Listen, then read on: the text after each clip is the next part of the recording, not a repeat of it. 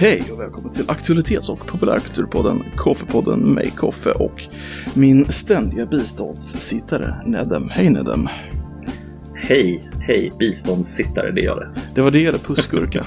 Jag antog att du ville bli biståndssittare istället. Ja, jag kör biståndssittare, det, det känns rätt. Jag från dig? Ja, allt är fint, allt är fint. Hänger och dinglar. Det hänger och dinglar.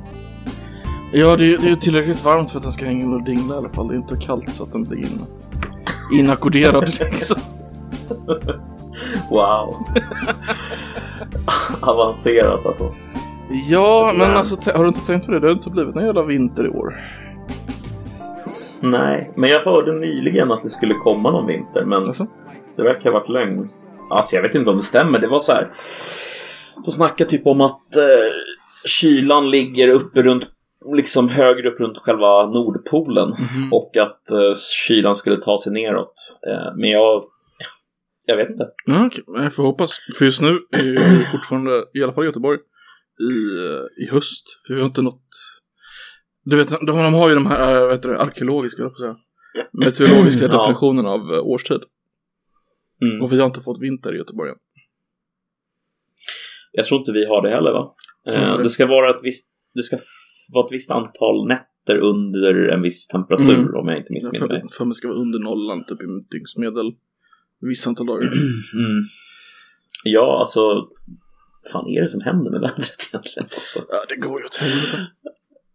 Ja, men alltså grejen är så här, vad, vad, vad, vad kan gå fel? Alltså, jag tycker du sa en sak tidigare idag som jag, jag tänkte, alltså det, det är lugnt. Alltså om vi hade problem med den miljon eller två miljoner eller vad det var klimatflyktingar som, som har dragit de senaste åren. Mm. Varför skulle vi ha problem med 150 miljoner?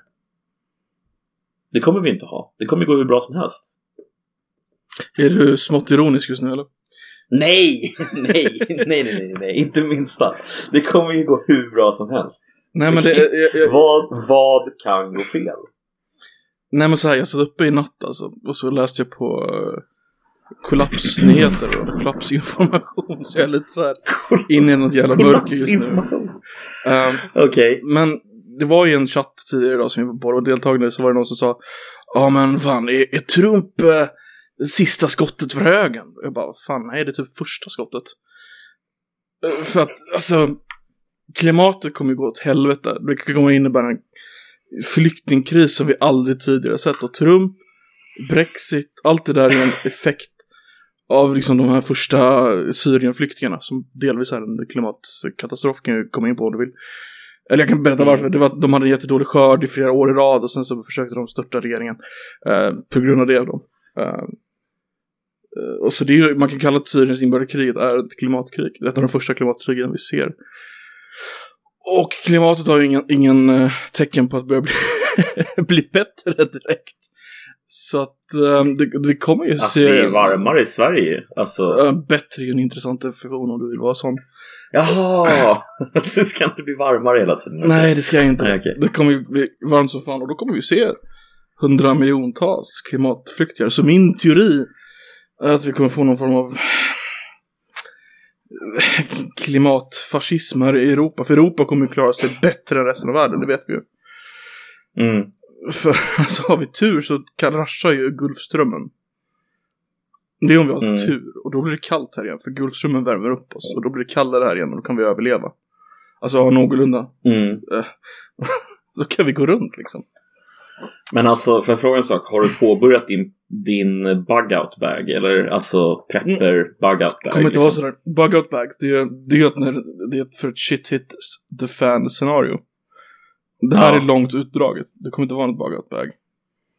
Så du behöver ingen Vad är det man behöver? Vad hur ska man förbereda sig Extrem jävla cynism. Ah. Alltså jag tror, att, jag tror på riktigt typ- att vi kommer gå, ihop i Europa på någon slags EU-nivå och skapa, ett klimatfascistparti. Eller klimatfascistregering och så kommer vi liksom totalt skicka hela jävla militären till Medelhavet. Så kommer det en jävla båt där så kommer det 20 pansarkryssare bara Nu ska du dö! Boom, boom, boom, boom! Det är Jag tror att det kommer bli så illa alltså. Ja, ja, för fan. Det kommer, alltså, typ, Europa kommer vara som en liten färs, fästing, fäs, fästing, fästing, fästning. Fästing kan jag också säga i och för sig. Vi kommer, vi kommer bara sitta En där. alltså. borg. Ja, men alltså- ett fort. Ja, Fort tänk- Europa. Tänk dig hur, hur, hur galna folk blev för de här miljonen vi fick extra i Sverige. Folk, det är ju... Vi ser ju remik- ramifikationer av det fortfarande. I hela Mm. Europa. Så tänk dig att när det kommer, börjar komma tusen gånger mer, hundra gånger mer. Mm. Folk kommer ju skjuta på sig. Eh, ja, det är helt korrekt. Det kommer bli väldigt, väldigt kaotiskt Mm. ifall det händer. Och då legitimerar man ju fascisterna för att vi vill bara ha vi vill bara vara fred. Vi vill, det är inget fel att vara i fred. Vi, kommer, vi bara vara i fred här med våra grejer. Lämna oss i fred. Sköt det så låter vi er göra Ja. vad ni vill liksom.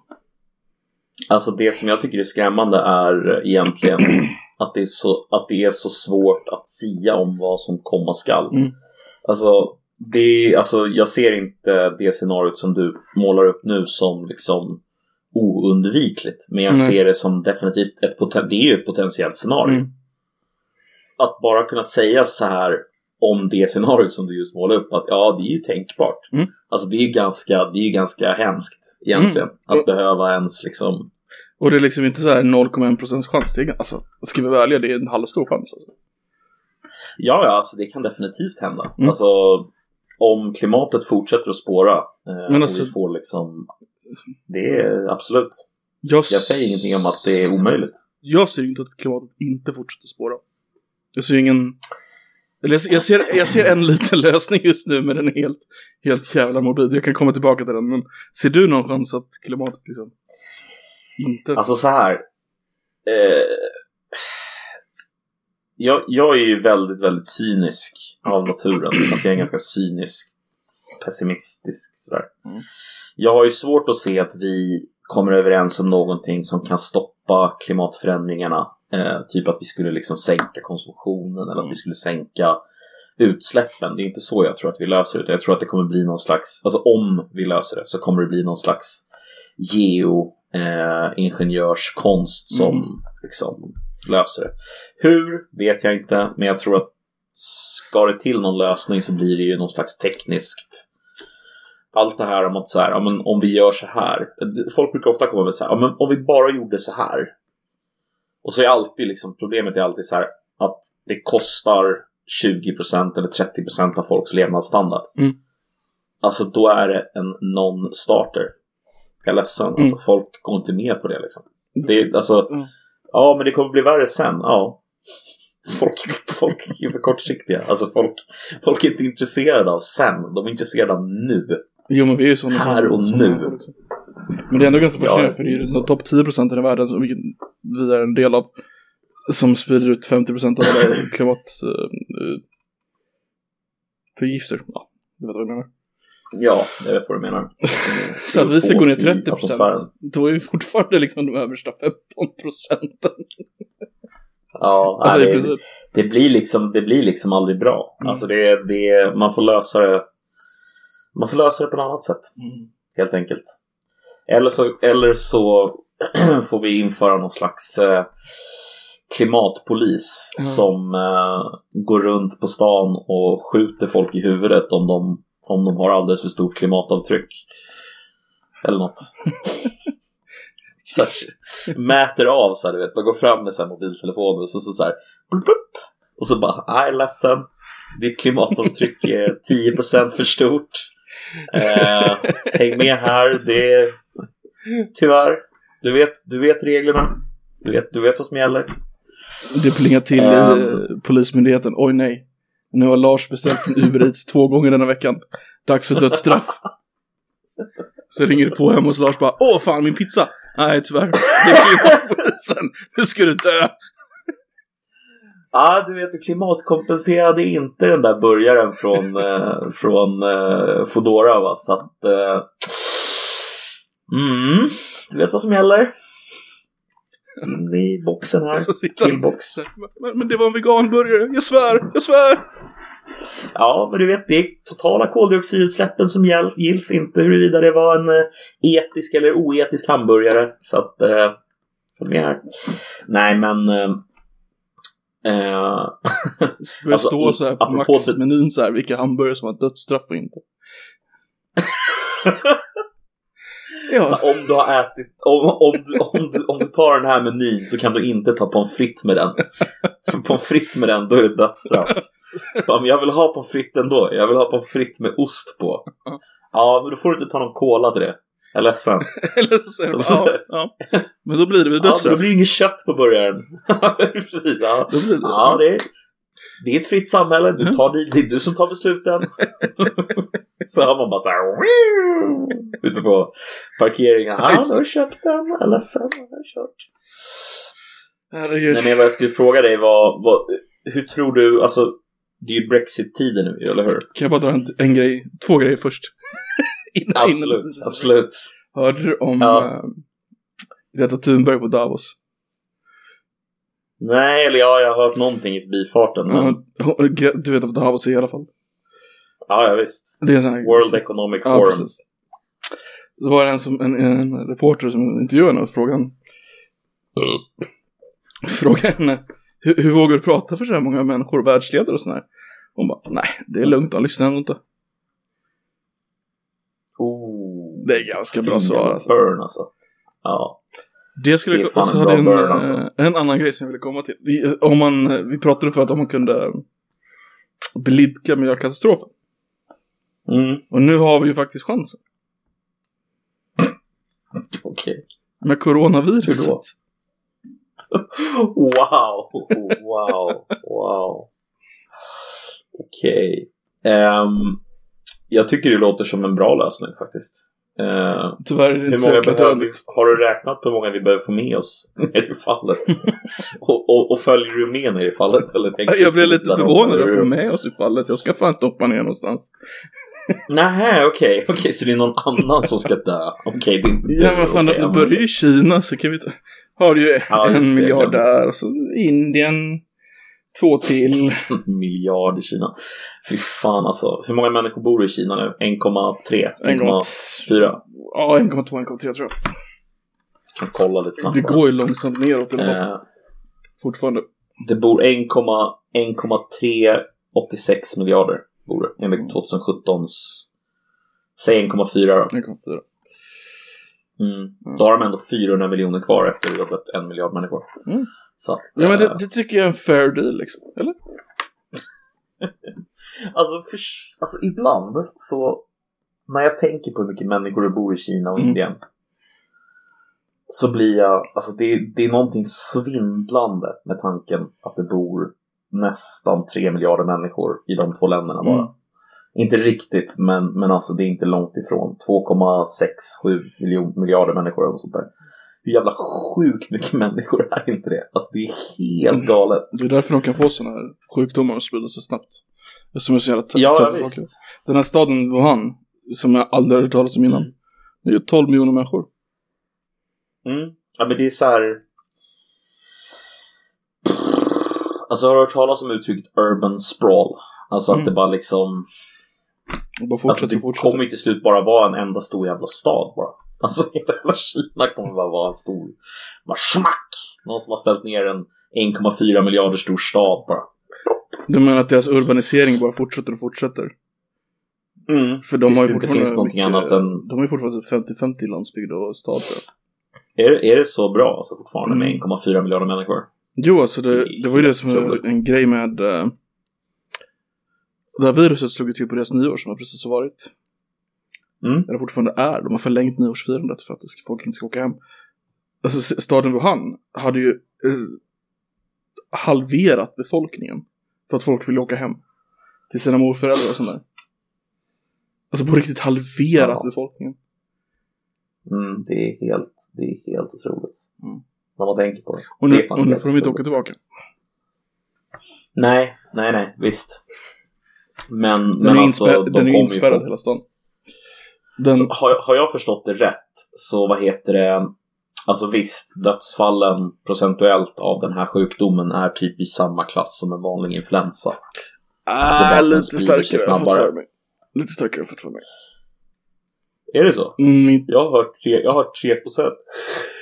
Men det är väl inte så mycket på en... Mm. eh, influensa eller? 3%? Jo, jag, jag tror det. Ja, enligt den statistiken jag tittade på. Men Ja. alltså, jag ska inte gå i god för att det är så. Jag menar vadå, jag har läst det på någon så här Ja, informationsblad Ja. någonstans. Liksom. statens informationsblabla, vem bryr sig? Statens offentliga utredningar. Nej, jag. Det är- det är Ehm, vänsterpropaganda. Ehm, Ja, exakt, exakt. den, det som är intressant är väl att den sprids och kan hållas levande väldigt länge. Det är väl därför. Mm. Så men 3% Ja, kommer inte- precis.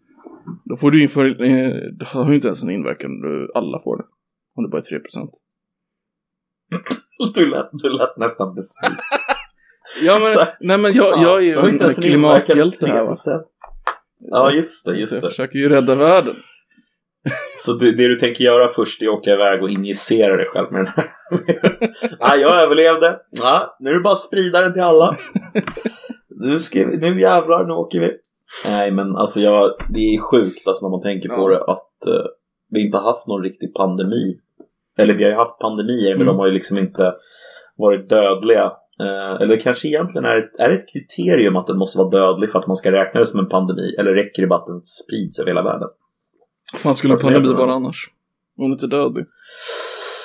Jo, men jag tänker att det kan vara en pandemi som gör att, alltså det är en pandemi eftersom den sprids över hela världen. Men eftersom det Mm. inte är en dödlig sjukdom så kanske det inte, jag vet inte om det är ett av kriterierna att den måste vara dödlig liksom. Eller om det bara är att den sprids över hela planeten väldigt fort. Mhm. Som är, alltså jag, jag bara spekulerar. jag. Nu har hela världen fått Ehm. hösnuva. Åh nej. Vilken pandemi. det låter ju inte riktigt Nej. lika spanska sjukan. Fan tuffare namn förr alltså. ja. Spanska sjukan. Vad fan vadå corona? Det är döpt efter, jag kollar upp det där för jag undrar varför. Eh, när man Ja. ser det i uh, själva viruset i ett eh, mikroskop. Så ser det Ja. ut som när du kollar på zonen att det lyser ut bakifrån en corona. Jaha, okej. Så det är döpt efter det visuella sånt. Tyvärr inte döpt efter ölen. Nej, det hade ju varit lite roligare faktiskt. Ja. De bara köpte marketing så här. Vi, vi sponsrar, vi sponsrar med 100 miljoner bara vi får ha namnet på det här viruset. Fy fan vad fett. Vem ah, det sponsrar sprids dem? runt hela världen. Gratis marknadsföring. Du? Alltså vem sponsrar dem? Ett jävla labb som utvecklar det? eller? Ja, ja, precis. Ja. Nej, sh, det där fick du inte säga. Mm. Illuminati, just Det där, det. det där. Ja, Illuminati precis. Jeff Bezos är fan en sån som skulle kunna köpa ett virus för att ha sitt namn på det. Vad sjukt det skulle vara om man gjorde det. Bara så här, vad, vad, vad, vad, vad är ditt senaste tokiga inköp liksom? Du, du har köpt en raket, ett raketföretag, du, har, du äger en stor båt. Vad, vad är nästa grej? Så bara, virus. Ja, ah, ett datavirus. Bara, nej, nej, nej, nej. Ett virus. Jag har köpt ett virus. Vi har Det- gjort eh, cancer luftburet faktiskt. Det är ganska fascinerande. Va? Och det heter Amazon Prime. Ja, nej, nej, nej. Ja, Botemedlet får oss kan- bara med Amazon Prime. Oh, oh, där har vi det. Där har vi det. Det är ett sätt att lyckas få Botemedel. 100% marknadspenetration. Eller hur? Mm. Eller hur? Speciellt om det sprids via luften också. Ja. Han kommer, han kommer så här, stå i Fox News som så här eh, marknadsgeni liksom. Så här, ja, men, hur, hur, hur fick ni så bra, ett så bra första kvartal 2020? Ah, du vet. vi, eh, ja, men vi, vi tog livet av 700 miljoner människor va, och eh, fick en marknadspenetration på 100 procent. Sju- Så 700 jävla miljoner bra. människor är nog lite lite. Jag tror inte så många i typ Afrika har Amazon Prime. Nej, det är sant. Nej, men det är så jävla bra Q1 alltså. Bra Q1. Ehm, hur tror du eh, Q1 kommer bli för eh, britterna då? Helt okej övergång. Um, Gillar du, min, gillar du mina övergångar när jag försöker mig på dem sådär? Mm. ibland är de desperata, de ibland är de ganska fina. Mm, tack. Hur första kvartalet 2000 för britterna. Uh, Ja. De kommer ju gå ut ur, uh, ur Brexit, nej ur England, nej ur EU. Den här oklarheten tycker jag säger rätt mycket om den här processen faktiskt. Jo, eh, Ah, de ska ut. De ska ut någonstans bara. Vart de ska vet vi inte. Någonstans ska ja, de. har köpt en båt liksom, de ska ut och, paddla. Um, nej, Ja, de, de, ska, de, är, de ska äntligen ut ur EU. Två år för sent typ. Eh, men jag tror inte något kommer hända första kvartalet. Eh, för alltså, än så länge har de ju sådana här hängavtal och skit, så att det kommer inte vara några kraftiga förändringar nu. Utan de har ju två, jag tror de har två år på sig att eh, hantera ett nytt frihandelsavtal då. Alltså, har jag förstått det rätt så är det alltså till och med december, slutet av december 2020 så måste de ha förhandlat fram hur avtalet ska se ut. Och om jag har förstått det rätt så är det första mars så måste de bestämma om det räcker för dem med slutet av 2020 för att förhandla. Eller? Har jag förstått det rätt tror du? Har du förstått det likadant? Jag har förstått att det var två år de hade på sig. Eh, men det är mycket möjligt att de ändrat på det. Eh, Men hade de inte två år på sig men det blev ett år på grund av att processen... Mhm. Eller nej, fan, jag, jag vet inte. Jag vet inte. Ehm. det står så här i alla fall om man läser på eh, Financial Times. Så står det The EU is aiming to have its negotiating mandate agreed for March 1st. March 1st. Men det Eh, betyder ju att de vill ha, alltså negotiating mandate, det gör det att de måste få rätt av alla dels, alltså medlemsstater att ha ett visst, vad de kan ge upp och vad de inte kan ge upp i förhandlingarna. Så de måste få ett mandat Precis, för, fram till dess. Och sen kan de precis, börja för att de förhandlingarna ska efter kunna det. öppna sina förhandlingar. Mm. Men om jag förstår det rätt så kan Storbritannien i de här öppnande så kan de säga så här, "Ah, men vi vill att det ska pågå längre än bara till Mm. slutet av 2020. Det gör det. För att det verkar som att de bara har på sig just nu till 2020. ja, det alltså kommer de säkert 2020. göra, för det är ju alldeles för lite. Ja, så det vore väl korkat att inte göra det känner jag. Ja, precis. Eller? Ja, ja, absolut. Herregud. Det är så mycket lagstiftning som går över. Herregud. Ah, herregud, alltså förstår du vad många övertidstimmar det kommer bli för ett par jurister i Storbritannien och EU? Det är nog ganska många jurister. Alltså det har ju varenda jävla... Varenda jävla del av ekonomin har ju en eget departement i EU liksom. Så att det... Och alla Ja, har sina regelverk och alla har... Ja. Alltså när jag, när jag studerade EU, Mm. eh, eller jag studerade EU, nej men inom ramen för min, för min lärarutbildning till samhällslärare så Mm. studerade jag eh, eh, själva liksom Pelarna eller? de form... Ja, inte pelarna. Jag, jag studerade egentligen hur är själva EU uppbyggt och hur liksom, Mm. vad består det av? Alltså hur stor del av budgeten går till vilka saker och så vidare. Får jag göra Och två jag antaganden inte- innan du fortsätter? Och så får du Ja. säga om fel. Absolut. Det första Ja. tror jag att typ en tredjedel går till jordbruk. Och sen så tror jag det är någorlunda rätt att säga att eh, EU är en st- stål och kolunion som har expanderat som fan. Alltså, alltså det som jag, det som slog mig i alla fall. Eh, men jag ska är- inte är det säga några siffror nu. Eh, jag vågar inte svara på det. helt okej. det var det jag ville att du skulle göra. Nej, sorry alltså. Ja. Jag vågar inte svara på det. Men jag kan säga så mycket som så här i alla fall att... ehm, så här. Kommissionen, EU-kommissionen, Mm. alltså den, den delen av eh, den lagstiftande delen skulle man kunna säga, den som kommer fram med förslag på nya lagar. Alltså den delen är en extremt stor procentuell del av EU rent ekonomiskt. Mhm. Och det har väldigt mycket att göra med, delvis då, att allting ska göras på alla språk. Mm. Så att om du, om du tar fram ett lagförslag, då måste du ta fram den på EUs alla språk. Mm. Punkt. Varje gång. Förstår du hur många timmar det är involverat i att göra det? Det är helt jävla galet. Jag gissar att du som lagförslagare kan bara skriva den på ditt hemspråk och sen så får du lämna in den så har de en jättestor byråkrati som översätter den åt, åt dig. Ja, eh, Så- så har jag förstått det också. Mm. Som att liksom du...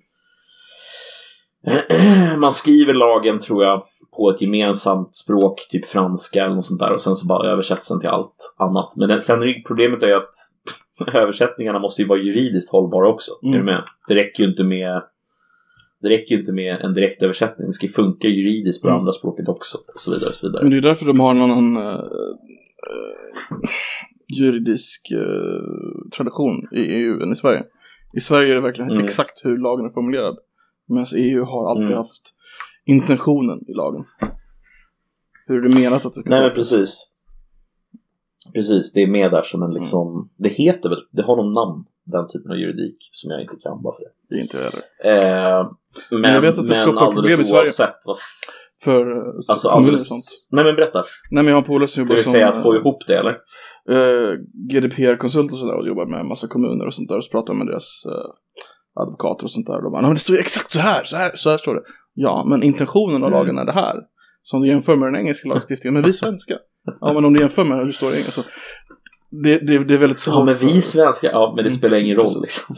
Det har intentionen och det har, det, det är liksom inte insatt i, i ja, den nivån liksom. Mm. Nej, jag, jag, det jag, den så här slutsatsen som jag gick bort, gick ifrån med när jag hade läst det där. Eh, det var bara en känsla av så här, herregud vad komplext och över, överkomplext bara för att så här, Mm. ja men alla har, alla har olika ingångsvärden. Mm. Som du vet, fransmännens bönder, tyskarnas liksom industrier och så, så vidare. Så, vidare. så många jävla överenskommelser och sidoöverenskommelser och liksom bara, Mm. Ja. varför ens samtidigt det kanske är bättre än vad vi hade innan där det kunde bli krig mycket lättare samtidigt mm, och det är bra Alltså, för trade, det är bra för eller trade, det är bra för handel och så vidare men För alltså trade, herregud Ja men du, tror på det alltså att det är, att eh, EU har en antikrigseffekt? Ja, alltså jag tror så här. Egentligen så tror inte jag att det har att göra med EU som sådant. Nu är det bara EU som har fyllt den rollen. Mm. Eh, det det handlar om egentligen det är ju ekonomisk interdependens. Mm. Alltså det vill säga att man är beroende av varandra ekonomiskt och det gör helt enkelt att krig är helt meningslöst. Sen så har det också en hel del att göra med att USA eh, under så lång tid, alltså först kalla kriget där du Mm. bara hade liksom ja, två poler egentligen i Sovjet och USA och nu idag med USA som en, enpolig eller hegemon som är liksom helt överlägset så här. Antar att det har med det att göra i alla fall. Ja men alltså vi kollar på EU, liksom, vad, när grundades det 56 och sådär va? Ja, det måste det vara va? Kol och stålunionen. 56 till 92 var det ingen chans att västerländerna hade gått i krig med varandra egentligen. Oavsett om de är det eller inte. Nej, Så det är just 92 nej till för nu liksom. Som är Ja, intressant. precis. Ja, jag skulle säga att allting efter kalla kriget är ju någon slags ny, ny era liksom. Med nya regler och nya The end of history. förhållnings... eh, Ja, just det. Vad är det den gubben heter? Eh, som, som sa det. Jag vet, eh, Fukuyama va? ja, det låter bekant. Francis Fukuyama tror jag det var. Ah, Som sa att det var the end of history. när muren föll där. Eller när Sovjet föll. Ja. För att nu var det liksom bara den västerländska stilen på demokrati som skulle kunna, skulle kunna överleva Ja, precis. Man, man bara mm. Och det, det har ju inte direkt visat sig sant. Nej, Kina hade någonting att säga om det tror jag. Mm. Ehm, Och till viss del Ryssland.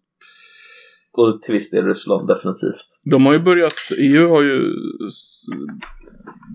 har ju läckt ut nu eh, börjat trappa ner sina sanktioner mot dem. Ryssland. Är det så? Ja, för att de har fortfarande tillräckligt stort behov av deras kolgaser och sånt där. Så att de, Ja. har, gått, de har sagt att det var för eh, Ja, det var Så för hårt helt På enkelt. tysk, De behöver den, eh, på- den marknaden.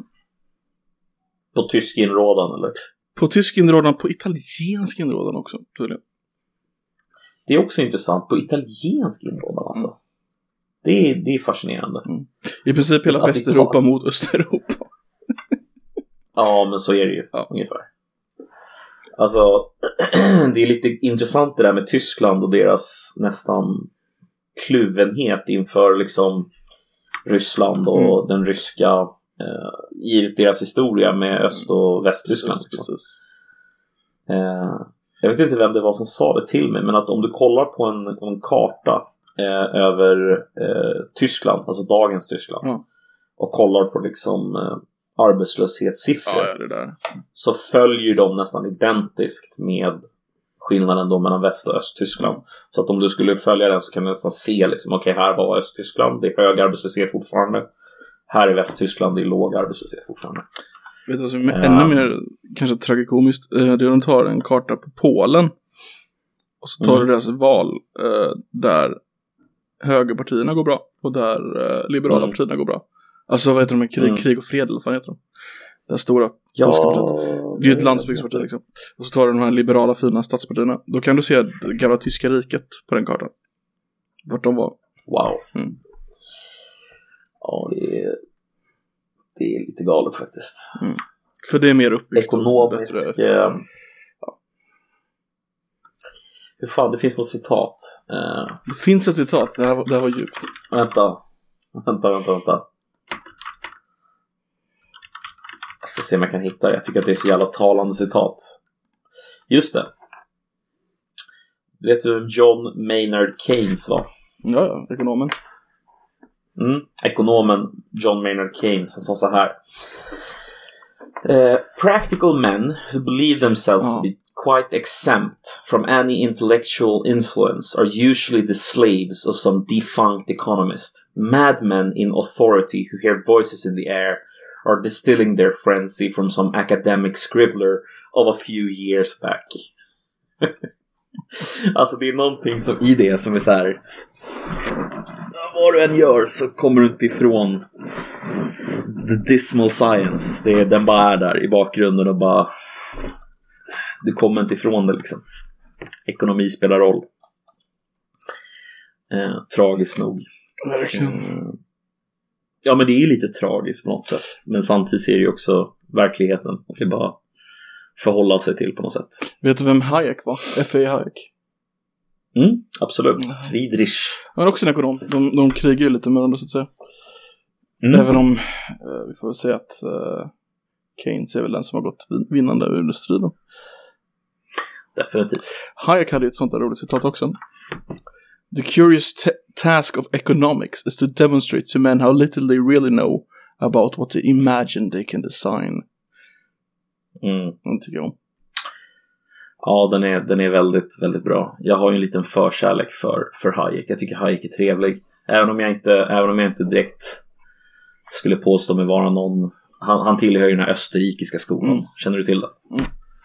Eh, jag ska inte påstå att jag håller med den österrikiska skolan sådär, men jag kan tycka liksom att hela den här approachen, att, man, att vi, vi vet mycket mindre än vad vi tror att vi vet, den är väldigt, väldigt bra. Jag gillar den typen av approach.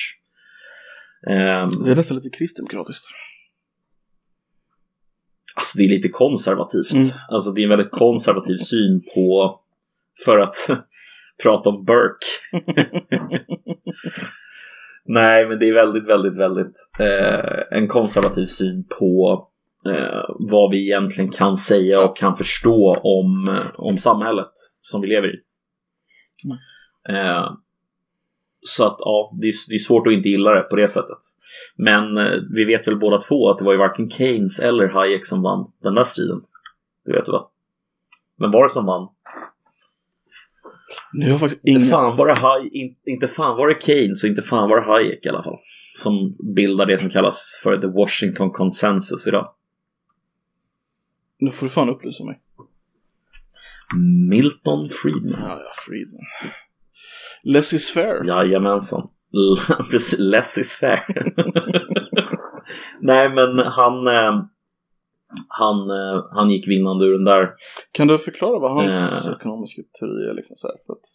Absolut. Alltså man måste förstå den i relation till Keynes dock. Mm, Alltså Keynes, ja men Keynes, alltså keynesianismen gick ju ut på att så här i grova drag kan man säga så här att när du hade, när du hade stora ekonomiska nedgångar i en ekonomi då skulle du stimulera ekonomin väldigt hårt. Och under perioder med hög tillväxt så skulle du helt enkelt inte spendera speciellt mycket pengar utan du skulle liksom du skulle ta det väldigt försiktigt. Eh, det kallas för boosting aggregate demand, det vill säga staten skulle gå in, spendera väldigt mycket pengar och på det sättet så tog man sig ur en potentiell ekonomisk kollaps. Eller inte kollaps, en ekonomisk, eh, eh nedgång så att säga. Problemet uppstod eh, på 70-talet när vi fick den här enorma, eh, jag vet inte om du kommer ihåg det, men i början av 70-talet så... Som jag levde då? Eh, nej, inte, inte så, men, men eh, oljekrisen i början av 70-talet eh, som egentligen var helt man-made eller skapad av människor. Liksom. Saudiarabien, OPEC. De var förbannade på USA mer eller mindre på grund av Israels... Eh, jag tror att det var ja, mot slutet av 60-talet så hade Israel 67 där kan det ha varit någonting. Så gjorde mm. de någonting där med Egypten tror jag. Och eh, då blev, blev de väldigt sura, höjde priset på olja. Och då fick USA någonting som heter deflation och eh, stagnation samtidigt. Så stagflation, har du hört talas om det? Stagflation ja. Mm. Stagflation. Och då fick man en kris för att... En gång till. Det här var under Carter-administrationen va? Ja, precis. Det började, det började egentligen tidigare, men det var de som fick ta de största smällarna mm. eh, av, av den här krisen. Eh, och vad som hände var helt enkelt att eh, John Maynard Keynes eh, ekonomiska teori hade inget direkt svar på stagflation. För att det är alltså inflation och ekonomisk stagnation samtidigt. Eh, och då kom eh, en alternativ teori eh, som sa att det man egentligen behöver hålla koll på för att alla de här sakerna ska lösa sig, det är inflationen. Så om du bara ser till att inflationen är ungefär 2% per år så kommer stabilitet och eh, långsiktighet att infinna sig. Eh, och det var i Chicago-skolan och Milton Friedman. Mm. Och eh, det var precis vad man gjorde och eh, ja, mm. du lever i resultatet. Skulle man kunna säga. Det är också någonting som brukar kallas för the Washington Consensus. Mm. Eh, själva liksom överenskommelsen om att eh, liberalisera marknader, privatisera, eh, ja, det som brukar kallas neoliberalism. Precis. Eller nyliberalism. Sälja ut allt i princip. Ja, lite så. Eh, ofta med tanken att eh, allting som administreras av privatpersoner administreras effektivare än när det administreras av eh, staten. Tanken är att man stämmer har eller inte. intresse Precis, precis. Eh, det var också det som sen ledde till New Public Management där man tänker sig att om staten bara försökte att kontrollera företag precis på samma sätt som företag kontrollerar företag eller privatpersoner kontrollerar företag så kommer allt bli bättre. Det visar sig inte riktigt stämma. Nej, allting kan inte riktigt gå det är en annan... Liksom. Nej, det blir lite komplicerat så här. Ja, men eh, alltså incitamentstrukturen blir ju konstig också.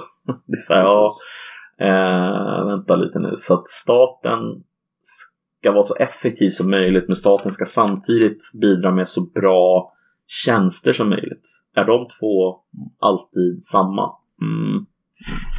Det är något som alltså. jag tycker är riktigt irriterande när man hanterar vissa myndigheter. De bara refererar till folk som kunder eh, och sånt där. Mm. Det tycker mm. jag... Kundperspektivet, mm. du gillar inte det va? det låter som du fiskar efter någonting här men nej, det gör jag inte. Jag gillar inte att det kallas kunder. Det, det är liksom de de ska Nej, försöka hjälpa liksom. Alltså det är ju... Jag, jag ska vara helt ärlig, jag fiskar efter någonting. Det gör jag faktiskt. Jag fiskar efter, efter någon slags... Eh... Ost? nej, men, men, nej, men så här. Alltså mm. jag kan tycka så här att om man tar till exempel eh, eh, friskolorna som existerar idag. Mm. Kids är ju inte kunder. Så är de ett så är de ett perfekt exempel på det du säger. Att liksom man behandlar dem och kanske framförallt deras föräldrar inom, inom mm. som, som på en marknad och som om de vore kunder. Men det, är så, det som är så jävla konstigt med det, det är ju att hur skulle du kunna vara kund om du inte betalar? Mm, precis. Alltså man måste vara riktigt jävla dum i huvudet eller skithög avlönad om man ska tro att det är en öppen marknad där egentligen. Att det är någon ja, det, det, det, det, det är ju inte det. Nej. Det, är ju inte, det har aldrig varit det. Nej. Alltså, det är bara löjlerier att påstå att det är en fri marknad. Men det är, det, äh... det är någonting som verkligen stör med den här fria etableringsrätten i, i, i skolvärlden. Och så, mm. så kollektiviseras ju Ja, alltså om en skola går omkurs då tas det över av det kommunala. Det görs ju alltid. För kidsen har ju en skolrätt. Mm. Då måste kommunen ansvara för den rätten. Medan så ja, du kan ju bara gå in och pumpa ut pengar under skolan liksom. Mm, visst, så är det det är, det är helt jävla galet. Eh, och jag, jag, alltså det är ju det är ingen riktig marknad. Alltså, på, på en marknad så har du ju traditionellt sett någon som vill köpa en tjänst och någon som vill sälja en Mm. tjänst. Eller en vara eller whatever. Och då spenderar du ju dina egna pengar. Liksom. Spenderar du någon annans pengar som i det här fallet så, så blir ju inte beslutet lika betydelsefullt. Och det är lättare att liksom bara rycka på axlarna och ta det som ligger närmst. Oj, det blev skolan i whatever. Och den här skolan får man en, Ja. eh, en gratis laptop på körkort. Det är klart jag väljer den. Men Mm, exakt. vad, vad drar de in? Ja, det är tragiskt. Det är riktigt tragiskt. Jag, Nej, det är synd alltså. det där är en sån grej som, det där är en grej som jag tror att både vänstern och stora delar av högern bör kunna vara överens om. Alltså. Att det där är ett jävla skämt. Vem är det som är för det då? Eller kör. Eh, det är faktiskt en bra fråga. Nej, men vem är för det? Är väl typ eh, Annie Lööf. Nej men vi har ju det. Så någon måste, tillräckligt många måste vara för det. Ja, men alltså Moderaterna är ju före, Centern är ju före, Liberalerna är ju före, eh, Kristdemokraterna är ju före. Eh, och sen är det väl också att alltså, det är en sån här grej som är svår att riva upp. Alltså river du bara upp det rakt över natten så Mm. ja, det, det, det blir ju kaos liksom. Jo, du måste ju bygga någon slags plan Samtidigt- på det. Ja, alltså, jag vet inte hur många elever det är som går i friskolor idag, men det är ju väldigt, väldigt många. Mm. Alltså en, en positiv grej med, med det här, det var ju att man drev ju upp lärarlönerna. Mm. Eh, eftersom det blev konkurrens mellan privat sektor och privat inom citationstecken sektor och kommunal sektor. Men alltså, det har ju kostat väldigt mycket också. Mm. Ja, jag vet inte. Samtidigt är jag lite kluven, det var det jag ville säga. För det är så här, alltså alternativet då, vad skulle det vara? Skulle det vara då att vi går tillbaka till att man placeras i skolan som är absolut närmst? Vi hade inte så i Västra Götaland innan. Vi hade ju något skolvalet fritt. Okej. Men alltså du får, eh, du kunde välja mellan skolorna. Men, eh, ja. Alltså det, det ena utesluter bara- ju inte det andra. Du kan ju fortfarande ha ett skolval. De här skolorna finns som erbjuder det här. Du är inom pendlingsavstånd. Vilken vill du gå på liksom? Sök till dem du vill gå på. Alltså ett skolval och eh, vem som driver dem är ju inte... Det behöver inte vara kopplat liksom. Det behöver inte vara kopplat, jag håller med dig. Men, men det problemet man vill avhjälpa verkar det som genom att eh, ta bort privatiseringen eller, eller ta bort friskolorna. Det är ju problemet med segregation. Jo, Alltså, det, Man pratar ju ofta liksom Mm. om att segregationsproblematiken skulle man kunna liksom men, men jag vet inte, för att samtidigt är det så här, men vadå? Säg att du, säg att du lyckas ta bort eh, alla friskolor. Mm. Alltså, kommer inte folk då som har råd och möjlighet bara att flytta från Jo, antagligen. Alltså, kommer det, är inte det resultatet? Ja, men att så folk bara i större grad kommer flytta? Man behöver inte ha en fri etableringsrätt du kan ju ha. Så vi hade, alltså några, vi hade ju kristna skolor, vi hade ju judiska skolor, vi hade ju några internat. Alltså, Mm. det behöver inte Jo, vara, visst, alltså, det det som vi har nu, det är ju det absurda att du, du och jag, vi kan gå imorgon och starta en skola. Vi behöver inte ha någon cred. Alltså, det är ju på den nivån alltså. Ja, jag visst, jag vet, jag vet. Alltså så länge som vi har alla papper in order Mm. liksom. Precis. Men det är inte så, Så- jävla svårt absolut. att så, eh, få. Nej, nej. Nej, nej, jag säger inte att det, det, det säger jag inte. Eh, Nej men att det kanske sant. ska vara någon det, slags det är lite läskigt. kommunbeslut eller någonting att ja, vi kanske har möjlighet att ha en till skola och kan man göra ja. Kanske man kan ansöka om att få bygga den här skolan eller kanske man kan, alltså någonting, det finns ju någon form av tredje väg. Mm. Ja, men jag håller med. Det, det, det behöver inte nödvändigtvis vara Mm. den vägen som... Eh, alltså de två vägarna som man har gått hittills. Och jag, jag, alltså... Det är trist när diskussionen ska fastna i liksom, ja men det måste antingen vara exakt så som det är just nu eller så måste vi gå tillbaka till exakt hur det var innan. Mm. Jag håller med dig till 100%. Det behövs någon ny typ av lösning där. Endast Som är långsiktig.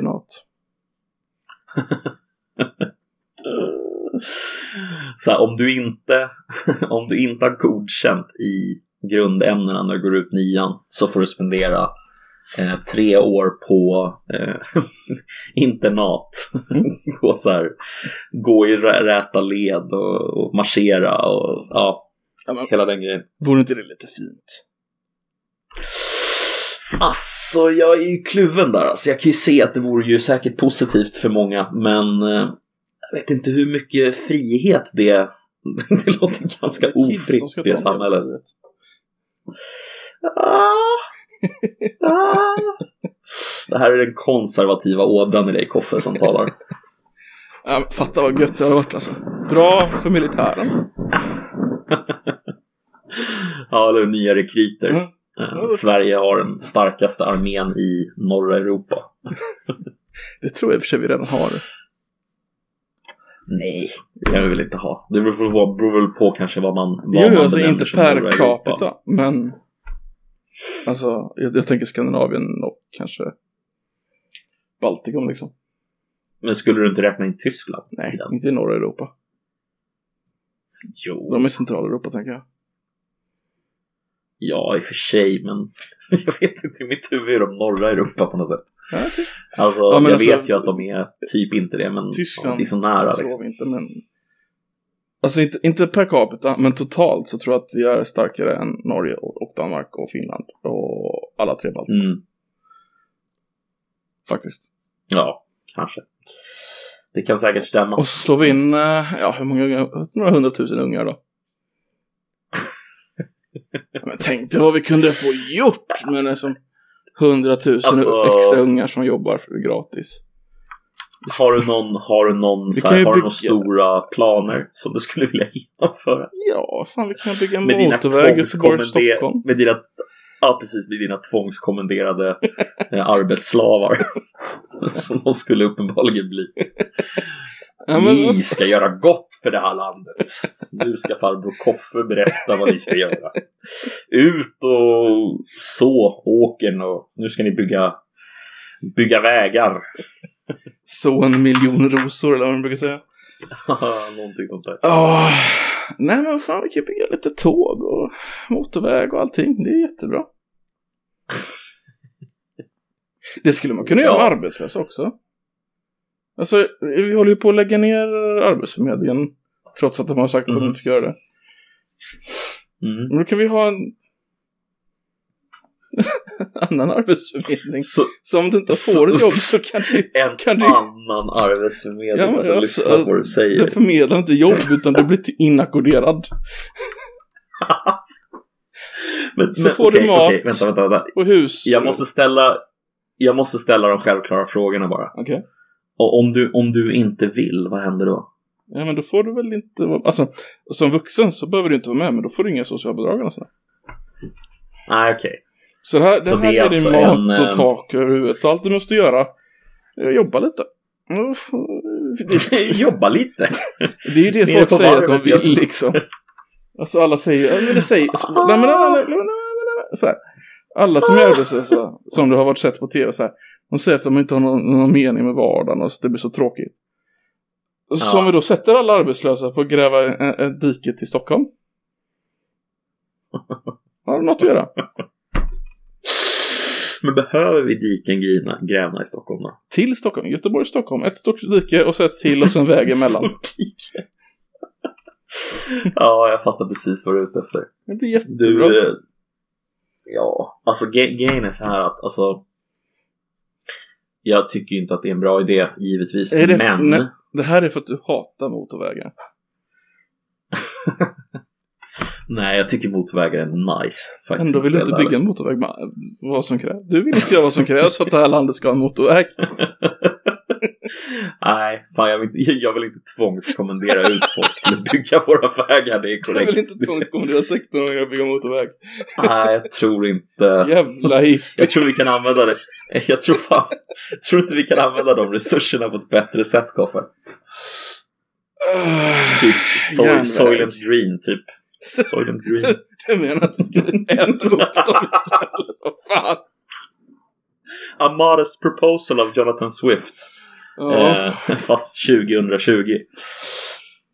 Hur Om du inte är en ekonomisk tillgång, lille vän. ja, men det går väl ihop med klimatmålet, eller? Gör det inte det? Alltså, klimatkostnaden om, vi ska, om vi nu ska... Okej, vi föder upp människor för kött. Nej men vi behöver inte föda upp nya. Nej men, nej, men nej, vi vi, vi måste ta den här hela vägen. Vi tar människor, 0 till 16, och föder upp dem för att de ska bli köttfärs. På max. Mhm. Alltid max. Och jämför det med, jämför det med, med, med en ko. Hur, hur gammal blir en ko när man slaktar den? Två år? Ett år? Ja, någonting sånt va? Kor fiser i och för sig ganska mycket. Det måste väl fan vara mer klimatvänligt att äta kor än människor. Jo, visst. Men, men alltså, Ja. du kan ju äta båda. Man kan ju äta båda. Man kan ju äta det som finns kvar. Alltså de som inte, de som inte ekonomiskt gör någon liksom. Ja. Alltså. Om man ska vara lite liksom ekonomisk så behöver man inte föda upp massa nya kossor när det finns massa dead meat liksom. Som inte gör något vettigt. Om man ska resonera ur någon slags liksom nyttomaximerande Jag, jag tror fan Ehm. min idé att de får bygga jäveln mer human än din köttkraft. Ja, jag tror, jag tror det också faktiskt. Jag tror det. Det, det låter mer, mer, mer humant faktiskt. Men Jag, då jag kommer du, med, med din vision, då, då måste ju ha någon slags, inte klimatpolis, men ekonomipolis som går runt och liksom mäter folks inkomster. Så här. Är du tillräckligt Mm. lönsam för att inte bli en hamburgare? Alltså herregud alltså, kan du tänka dig det? Om de gick runt och mätte folk och så bara nej, jag är ledsen alltså. Tjäna, måste Du- tjäna du- 20 du- spänn du- mer. Du är tyvärr, alltså det blir korv av dig. Snälla, gör mig till en bratt först. Blir bara, nej, det blir Dennis korv. Jag är ledsen. Det är... Ja, Just det, har man så här ekonomisk skala vart man sig. Ja, exakt. Nej, du, du, du blir riktigt schysst korv. Det, det är korrekt. Men Grattis Pelle. Det blir en entrecote. du, blir- du, du och jag skulle bli blandfärs. Blandfärs origin unknown. exakt. Mystery meat. Mm. 30% Ja, ko, herregud, 30% alltså. gris, 40% ja. Så, så är det här alltså allt, är det här det som kommer hända när, när liksom När Greta när tar över. coronaviruset Ja precis, Greta har tagit över. Klimatkrisen är i full sving. Mm. och, eh, eller i full gång. Och eh, coronaviruset eh, härjar. Ja. Alltså det här, det här kan bara sluta på ett kul, roligt sätt. Kul! Det känns, ja men jag tänker så här, hur många ut, alltså hur många potentiella liksom lösningar på alla de här olika konflikterna och problemen kan det bli som är positiva? Och hur många kan det bli som är negativa? Det måste ju vara fler negativa ut, utfall eh, som existerar än positiva utfall, eller? Mm, jo, absolut. Så, så, så, så vad vi säger är bara att allt är kört? Ja. Ja, Allt det känns skönt på något sätt. Känns det inte lite skönt att bara så här, ah, ah, om allt ändå är kört, ah, vad ska man bry sig för då? Det är jävla nihilism det där alltså. Ja, jag är ju för fan stor nihilisten. Nej, det är jag inte. Jag är inte så nihilistisk av mig. Är det? Kanske är. Just nu i alla fall. Har, Ja, har du sett uh, Big Lebowski? Eh, ja, men det var väldigt länge sedan nu. Där har de ju The like- Swedish Nihilist Gang. Är det något så här, är det en känd grej liksom att vi, att vi svenskar är nihilister eller? Uh, det är väl baserat på Ingmar Bergman och han har ganska så här hårda, tragiska filmer. Ah, just det, såklart. Mm. Typ sjunde inseglet. Precis. Har du kommit för att hämta mig? Jag har redan länge gått vid din sida. Du spelar Jävla schack, bra. inte sant? Alltså den är så jävla, alltså så här, har, du, du har ju sett den för du gillar ju Ja. film. Eh, jag såg den i någon slags pretto-mode när jag bara skulle se liksom lite komplicerad, svår svensk film tänkte jag. Fy fan, jag var inte imponerad alltså. Alltså, ville du ligga med någon Nej. så här konsttjej eller? Nej, faktiskt inte. Utan Okej. det var mer bara så här. Eh, nu ska jag kolla på lite kända. Mm. Jag, jag, I samma veva så kollade jag även på Citizen Kane. Jo, den är bra. Vilket jag tyckte var en fantastisk film. Mm. Eh, men eh, helvete vad usel jag tyckte Sjunde inseglet var. Så den hade vissa ögonblick som var bra men Alltså vilken konstig film alltså. Ja, den är ganska långsam, det är väl det jag kan säga. Ja, men alltså det enda jag kommer ihåg av den är typ en jävla gycklare i en, Ja, i en sån här vagn typ. Det är det jag kommer ihåg. följer väl en, eh, en cirkus där. Gycklartrupp Ja, typ, ja, eller? precis. Mm. Det var jävla sak sedan jag såg den. Den, den Gillar du den eller? jag kommer inte så ihåg den så mycket. Inte? Nej, det var, det var ett tag sedan. Alltså, det var ett bra tag sedan jag såg den. Mm. Ja, men. Så kan det vara. På tal om, Ja. eh, om, eh, om uh, tvångskommenderingar. Mm. Um, vet du vad det är för 75 år sedan idag? Jag får bara... Nej, fy fan alltså. Vilken övergång. Eh, ja, kan inte du försöka jo, göra en visst. bättre övergång då? Kom igen. Jo, men absolut. Tvångsövergångar. Nej. Nej, den är, den är hemsk. Eh, Men vad är det 75 år sedan idag kan vi tänka oss? Ja, vad skulle det kunna vara? Kan det vara förintelsen kanske? Befrielsen av Auschwitz. 75 år sedan idag. Ja, det är, det är mörkt alltså. 1945. Jävlar, vilket mörker. Alltså. Jag har ju ganska nyligen gått på en lång så här binge. Mhm. Där jag bara suttit och... Jag, jag hade nämligen en litteraturkurs i slutet av förra året. Mm. Där vi fick läsa en bok som heter Maus. Mhm. Känner du till den? Nej. Det är ett seriealbum. Men det handlar då om en tecknare som... Han tecknar sin fars berättelse Mhm. om hur det var att hamna i Auschwitz. Det Eh, låter jobbigt. och den där gjorde att jag blev, jag blev intresserad liksom av hur rationaliserar folk i efterhand, de som deltog på tyska sidan. Mm. Hur rationaliserar de för sig själva i efterhand allting som hände? Ehm, och alltså, det finns inte sådär jättemycket med liksom intervjuer med folk som var typ SS-officerare och sådär. Men det finns en vet jag som jag hittade. Typ två timmar lång. Där Oj. de pratar med honom. Eh, och, och det som är liksom det otäcka och det som alltid är återkommande med sådana här saker det är att det är, bara, det är helt normala människor. Mm. Alltså det är som vem som helst. Det, det Mm. om någonting är väl skrämmande, är det inte det? Jo, men det... Jo. Det är så jag har förstått det också. Det, Det går liksom inte att skilja, skilja liksom monster från helt vanlig människa. Eller är bara helt vanliga människor monster? Kan det vara så? vi har väl alla något mörkt inom oss. Nu kommer jag inte ihåg vad de hette, men de där förtrupperna som dödade judar i förvägen. Eh, Einsatstrupp, Einsatzgruppe. eh, något sånt där. Mm. De hade ju två till tre gånger så hög alkoholranson. så att de skulle kunna sova. Ja, det är ju det är ju mörkt alltså. Mm. Det är... Ja, nej, jag vet inte. Det, det är någonting absurt bara med liksom hela det här industriella, industriell skala mördandet som pågick liksom. Det är någonting Jag absurt. tror det var Goebbels som sa det. De var ju medvetna om det där, att det, det var jobbigt för folk att göra av det här. Alltså att de Mm. tyckte inte om det. Eh, det här har jag lärt mig av Zizek, uh, för övrigt. Zizek. Zizek.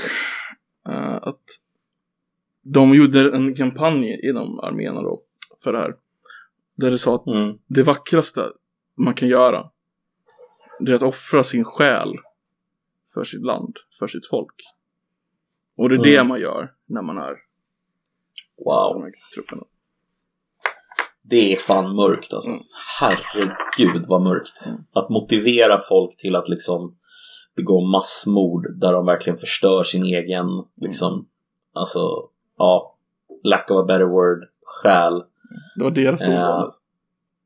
Ja, jo, jag förstår Mm. det. Jag förstår det. Jag bara ogillar ordet själ. jag vill alltid, jag, jag kan liksom inte ta det ordet i min mun utan Wow. att här kvalificera det på något sätt. Men det var ändå Eh. alltså 40-talet, så de, de var ju antagligen ganska många troende. Liksom. Jo, visst, det var de ju. Och att det var liksom Eh.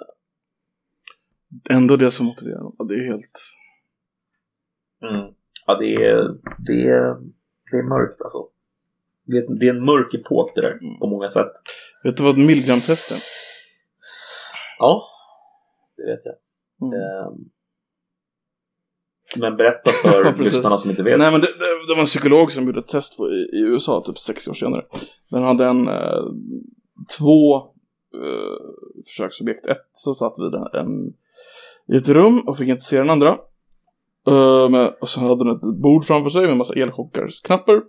Och så var det allt aggressivare elchocker så hade man knapp 1 till 10. Och så fick man eh, höra i det andra rummet hur de pratade med dem då. Eh, så skulle de eh, göra i ett test så här vanliga frågor. Eh, och kunde inte den i det andra rummet som då fick elchockerna svara rätt så skulle man ge en elchock. Och i, sitt, i den, eh, den personen som gav elchockerna hade en, eh, en doktor i sitt rum då som var testledare som bara pushade på. Ja men ge, ge en högre, en högre, en högre elchock och till slut så blev skriken i det andra rummet högre och högre. Vilket gjorde att folk inte ville, men doktorn bara, nej, nej, en, en högre elchock, en, hö, en högre elchock och till slut så hörde de inget skrik längre från det andra rummet. Uh, men doktorn sa fortfarande, ja men ge en elchock i alla fall. Inget svar är lika med fel svar. Ja, det, det, det var ju ingen i det andra rummet då, utan det var ett test för att se hur, hur, folk, hur mycket eh, smärta folk kunde eh, delge när de hade en auktoritetsfigur som sa att de skulle göra det. Och det visade sig att de, de flesta kunde ju gå hela vägen upp till 10 liksom, att här dödlig liksom. Det var det var väl markerad som dödlig. stil. Det var väl någonting i stil med typ 70-80 procent eller någonting som något gick hela vägen. va? Var det inte något sånt? Ja, det var en Det- absurd hög siffra alltså. Har du hört talas om det här andra experimentet? Alltså på, alltså så här, på frågan om konsensus och grupptryck. Tänker du Stanford Så Prison? finns det an... Nej, nej, nej, inte Stanford Prison utan det här, det här är mycket mindre involverat. Det här är inte lika komplicerat. Men vad de gör är att de tar, eh, de tar tre personer där två stycken redan är med på, på att det är ett experiment och den tredje personen är experimentpersonen. Okej. Och eh, sen vill de se Alltså utåt så låter det som att testet går ut på vad du har för förmåga till ögonmått. Så de, vad de gör är att de tar så här, först tar de en linjal som är typ 30 centimeter. Mm. Och så säger de så här, ja, hur lång tror ni att den här är ungefär? Och så svarar folk så här, ja men 30 centimeter säger vi. Sen tar de en, en kortare linjal som är kanske 25 centimeter. Mm. Så har de tagit bort den andra linjalen. Så den syns inte längre. Liksom. Okej. Och så säger de så här, ah, hur långt tror ni den här är? Och så svarar de två andra så här, ah, 30 centimeter. Väldigt, väldigt många människor som är den tredje personen att svara, som är experiment subject liksom. Mm. De svarar 30 centimeter. Mm. Fast de vet att den inte är det. För de sa precis att någonting annat var 30 centimeter. Där de visste att den var 30 centimeter. Och sen när de märker att den här saken som du plockar fram inte är det. För du, när du frågar dem efteråt så säger du vet ju att den inte är 30 centimeter. Varför sa du att den var det? Jo, men de andra sa ju det. Bara så här, ja men du vet ju att det inte är det. Ja, jo, jag vet, men jag kan ju inte säga fel. Ja, men du skulle ju sagt rätt. Ja, men de sa ju det. Mm. Det, Alltså, det är också lite så här, Ja. hmm, vad fan är det som pågår där egentligen? Vi är verkligen gruppdjur människor alltså. Det, minst sagt. Det är, så är det. Ja, det är läskigt det där alltså. Men jag tänkte så här. Vi vet att det finns mer slavar idag än under slaveriets högtryck eller högstidsdagar på 1800-talet. Mm. Tror du det finns mer människor i fång och koncentrationsläger idag? Än under andra världskriget. Alltså, ja. Men jag skulle nog bara säga att anledningen till att jag tror det är på grund av Kina. Kina med uigurerna då eller? Ja, precis. Det måste väl sitta ett gäng uigurer. Uigurer? Hur fan uttalar man det egentligen? De sitter i koncentrationsläger och bara Nej, men vi ska se här. Hur många tror de sitter i fängelse? Eh, Jag gissar på fem miljoner.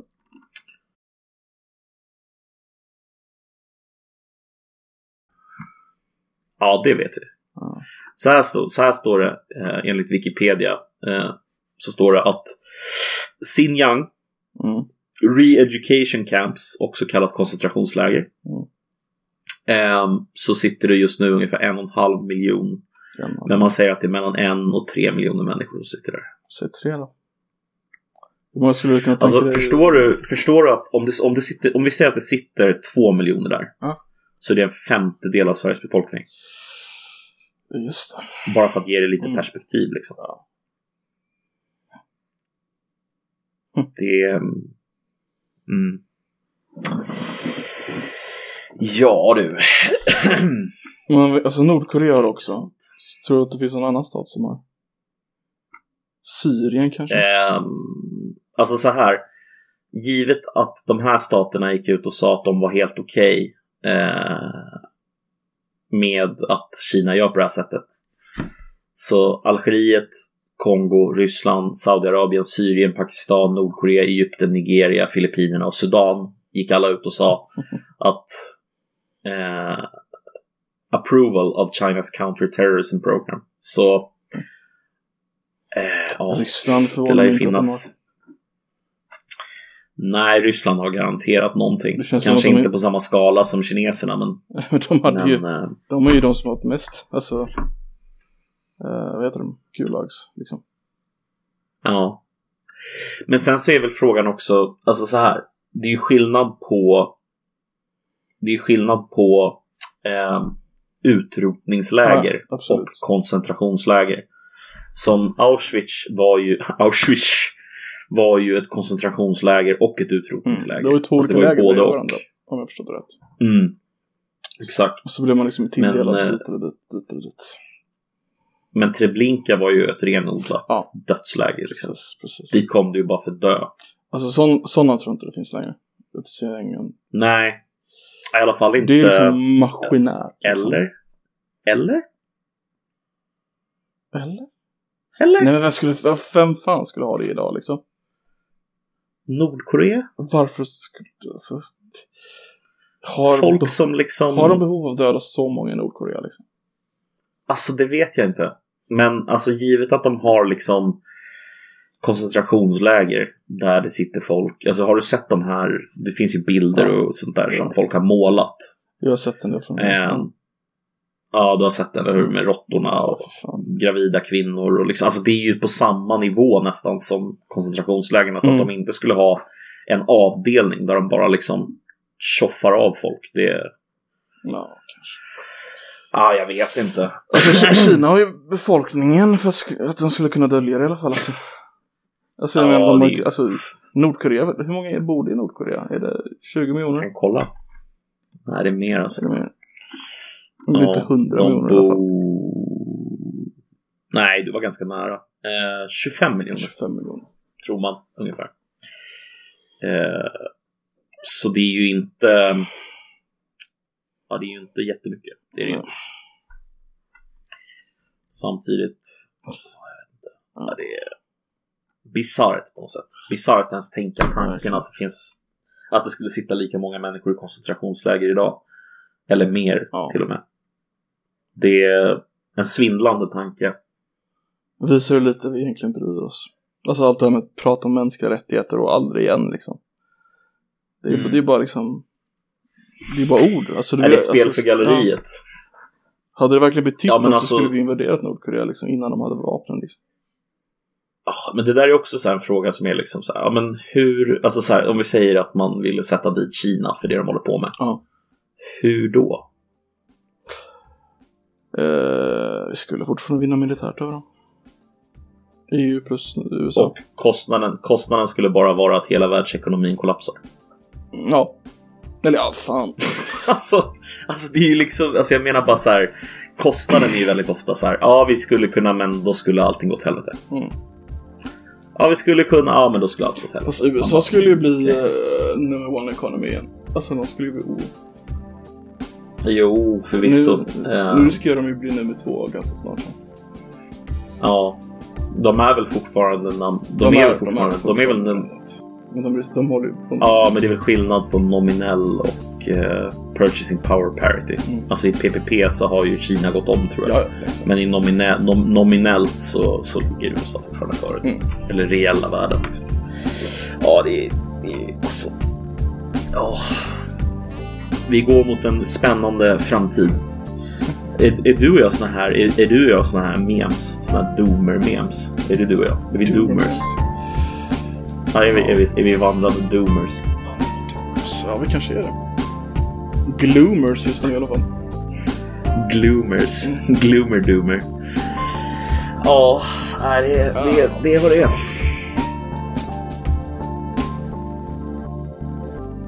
Ja, då har ni lyssnat på mig, Nedem, och min kära vän Koffe Pottamus. Eh, Pottamus? som, ja, men som hippopotamus. Koffe Pottamus.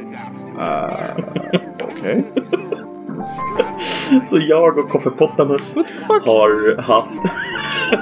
Vadå? Pottamus. Vadå? Vet du vad den jävla hipp Ja, ja, koffe- Pottamus? Jo, Koffe Pottamus. Det är ditt nya namn. Koffe Pottamus och jag, vi har haft ett väldigt gloomy och doomy avsnitt här. Eh, Så jag vill bara tacka för mig och Koffe Pottamus vill tacka för sig. Eller hur Koffe? Nej. Pottamus? Jag vill vara i fred. Du, du, du inser att jag har satt en ny standard för ditt smeknamn från och med nu? Ja, jag märker. Koffe Pottamus. Fått... Ja, Nej. Ja, jag driver. Men tack ska ni ha. Eh, tack för att ni har lyssnat och eh, ha en bra vecka. ha det gött. Hej. Hej! Pottamus.